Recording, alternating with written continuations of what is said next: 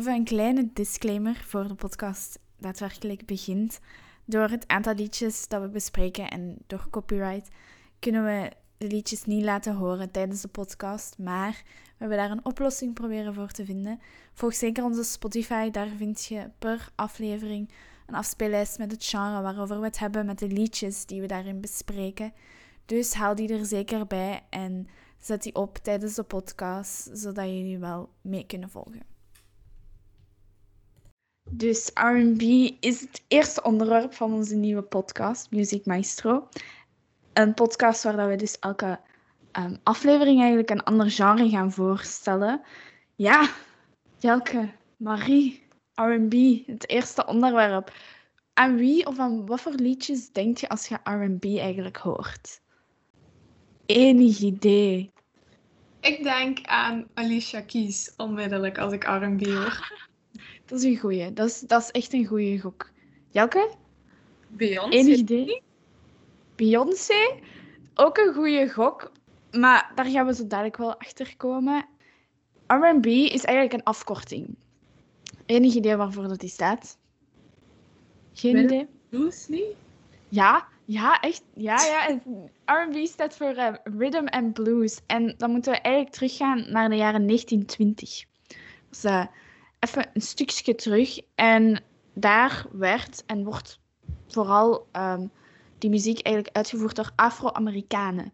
En zij migreerden dan naar eh, Amerika, van het platteland naar de stad. En muzikanten kwamen dan eigenlijk samen en creëerden ze dus een nieuwe stijl muziek. En dat was eigenlijk een combinatie van jazz en blues, wat dat toen in die periode eigenlijk ehm, redelijk populair was. En fun fact, R&B bleek eigenlijk gewoon een marketingterm te zijn. Om dus ja, eigenlijk eh, dat genre een beetje te promoten. En wat dat ik eigenlijk gemerkt heb tijdens, eh, tijdens eh, mijn onderzoek, om het zo te zeggen, is dat R&B eigenlijk vaak zo gecombineerd wordt met andere genres. Het is zo heel moeilijk om zo R&B op zichzelf zo te vinden. Vaak wordt het zo, ja, heel vaak gecombineerd met zo disco of jazz of zo funk, zo van die dingen. En natuurlijk heb je dan ook nog zo superveel vertakkingen en al. Dus als we de hele lijst zouden moeten afgaan, dan zitten we hier echt nog tot morgen vroeg. Dat is echt eh, niet normaal. Ehm, en vandaag de dag is het eigenlijk ja, nog redelijk populair en komt het eigenlijk in meer liedjes voor dan dat je zou denken. Ik zou verbaasd zijn hoeveel ja, artiesten er eigenlijk toch zo die R&B-invloed hebben in de muziek. Ehm, maar ik zou eigenlijk willen beginnen met zo ehm, R&B van in de beginjaren. De eerste die ik wel, wel wil laten horen was een groep genaamd The Swallows. Aparte naam als je het bijbracht. En dat, dat heet ehm, Wishing You. Dus dit waren een van de pioniers. Dus zo echt een, dit is echt begin, begin. Dat was niet wat dat ik verwacht had. Ik weet niet wat, van, wat jullie ervan vonden. Totaal anders dan ik verwacht had. ja, maar ik had ook echt dat idee. Ik, ik, ik zag zo ineens zo oude mensen voor mij die zo aan het slowen zijn. Kent je het zo? In zo'n foute discotent. Allee, snap je wat ik zo bedoel? Ik, het was speciaal. Het was echt niet wat ik ehm, verwacht had. Maar je merkt al echt dat dat zo echt het begin is, omdat je zo heel veel zo die jazz hoort. Allee, ik had toch zo dat gevoel dat je zo heel veel die jazz hoort. En dat was echt zo, je moet je dat inbeelden. Deze mensen traden op in zo echt zo chic kostuum allemaal. Allemaal zo in dezelfde chique, chic pak zo allemaal. En dan zo in zo'n tent met zo allemaal van die chic geklede mensen. Dat was zo hoe dat die dan optre allee, ja, optreden. Een andere artiest uit ongeveer dezelfde periode, dus jaren 50 dat we zo nu zitten, zijn de Cardinals met Shouldn't I Know. En het is zo ongeveer in dezelfde stijl. Ik weet niet, maar bij deze had ik zo precies echt een Hawaii-gevoel of zoiets. Ja. ja. Het begin zo, hè. Ja, dat je echt zo op het strand zat met zo kokosnoot in je hand onder een palmboom. Zo zoiets had ik een gevoel. Um, de volgende periode is de jaren 60, 70. En deze zijn denk ik wel ehm, wat bekender. Deze liedjes en deze artiesten denk ik toch wel dat jullie kennen. Ik kende ze toch, of toch een heel groot deel ken ik ervan. Stevie Wonder. Ja. Ja.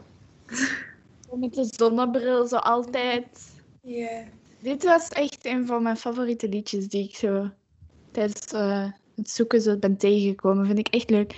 En ook rond deze periode is er een, uh, een, ook een groep ontstaan die jullie ook zeker kennen. En tijdens deze periode was vooral, werd het zo vooral gecombineerd met zo disco en funk omdat dat toen zo heel populair werd. En dan werd dat zo allemaal gecombineerd. En deze groep deed dat ook.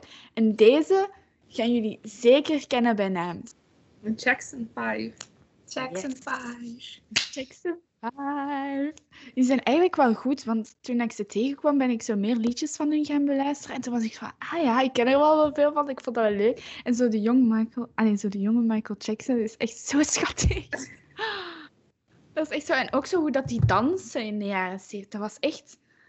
Zou je dat nu niet kunnen inbeelden. Hè? Als zo nu iemand zou dansen, zoals dat ze toen dansen, dan zouden mensen echt gewoon zo raar kijken naar u. Hè? Maar dat is echt niet normaal. Maar dus, na jaren 70 hè, komt jaren 80, 90. En dit zijn zo mijn persoonlijke favorieten.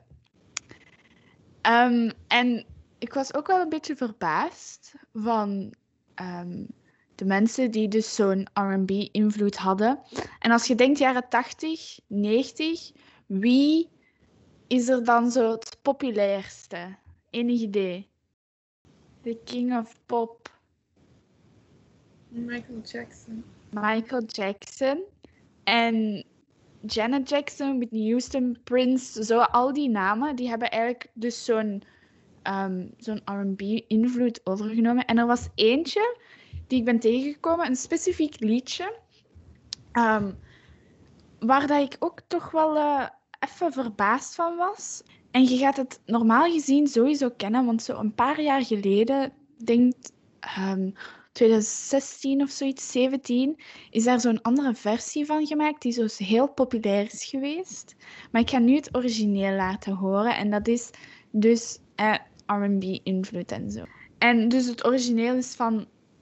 Wacht, hè, de naam. Shaka Khan. Ik hoop dat ik het juist uitspreek. Vijf jaar geleden, 2015, is daar een soort ja, remix van gemaakt. Hè? En dat is toch eentje die redelijk populair was. In de zomer bij ons werd die toch al redelijk vaak gedraaid. Dat is dus een soort remix van dus dat eerste. Ik wist dat totaal niet. Ik was echt helemaal verbaasd. En ik vond het origineel eigenlijk ook wel goed. Ja. Ik vond dat echt wel goed. Dus dat was weer eh, een nieuwe ontdekking voor mij. Dan eigenlijk komen we in de jaren 2000 en deze zijn sowieso wel gekend, zeker bij onze leeftijd. Want dat eh, de jaren waar dat wij kind waren. Ik weet niet, wat waren, wat waren zo jullie favoriete twee jaren 2000 liedjes? Zo liedjes waar dat je zo als 12-jarige op danste, zonder dat je zo wist waarover dat het ging. zo favoriete artiesten van toen? Ik weet niet of dat nu de, jaren 2000 zo daar rond is, maar ik luister echt vroeger naar Kesha.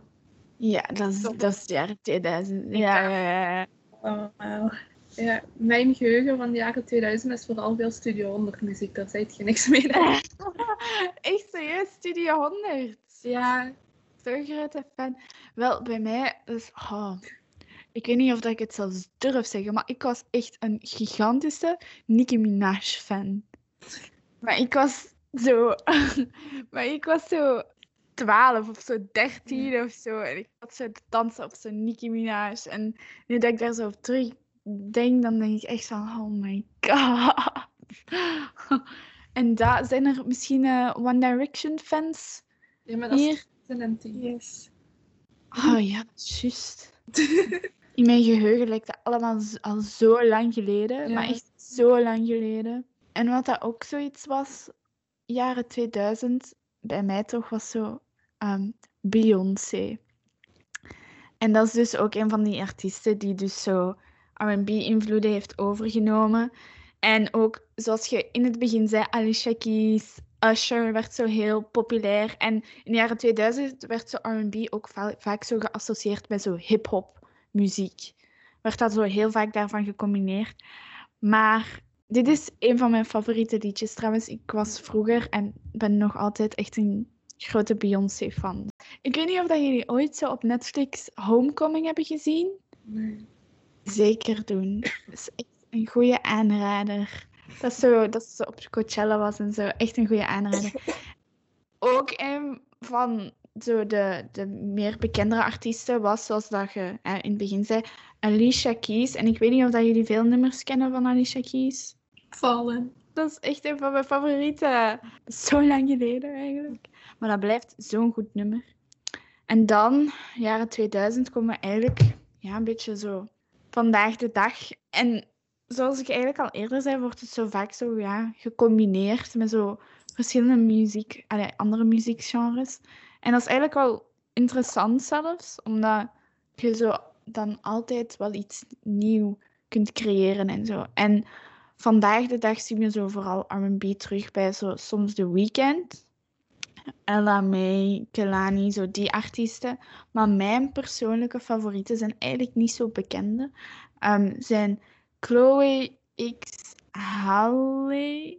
Ik, ik heb echt moeite met namen precies. En, en Victoria Monet. Victoria Monet, die zou je misschien kennen, want die schrijft vooral liedjes. Die heeft zo liedjes geschreven voor uh, Fifth Harmony. En zo ook voor Bruno Mars, als ik me niet vergis. Dus die schrijft veel liedjes, maar die heeft ook eigen liedjes. Een van mijn favoriete R&B-artiesten. Als je het wilt weten, het is Jaguar van Victoria Monet. ik weet niet of, dat, of dat jullie dat leuk vinden of niet. Ik vind het wel een leuk lied, maar ik kende het niet. Ik kende het ook niet, maar het is wel tof. Ik weet niet of dat R&B eigenlijk een genre is dat jullie veel luisteren. Misschien onbewust of zo. Ja, eerder onbewust. Ja, ik zo wel zo de artiesten die ik veel luister, zo opzoek, zet wel zo heel veel tussen zo de subgenres, ook wel R&B en Ja, R&B ja. zit echt in veel meer, meer dingen dan dat je eigenlijk zou denken. Ik verschot daar eigenlijk ook van. En dan heb ik ook nog mijn andere favoriete R&B-artiest, Chloe X Halle. Twee dames die muziek maken. En dit is Do It. Dit is ook een van mijn favoriete liedjes. Misschien bekend van TikTok. Want er is trouwens zo'n dansje bij of zo. Wie weet zijn er mensen die dat tegengekomen zijn. Ik weet het niet. dat kan. En dan als laatste, als nieuwsflash. Is er eigenlijk um, een, een, een, nieuwe groep ontstaan. En Silk and Sonic. Samenwerking tussen Bruno Mars en Anderson Paak. Als ik het weer juist uitspreek. Leave the door open niet bekend voor jullie? Nee. Allee, want ik heb echt het, het wordt denk ik gewoon kapot gespeeld op de radio.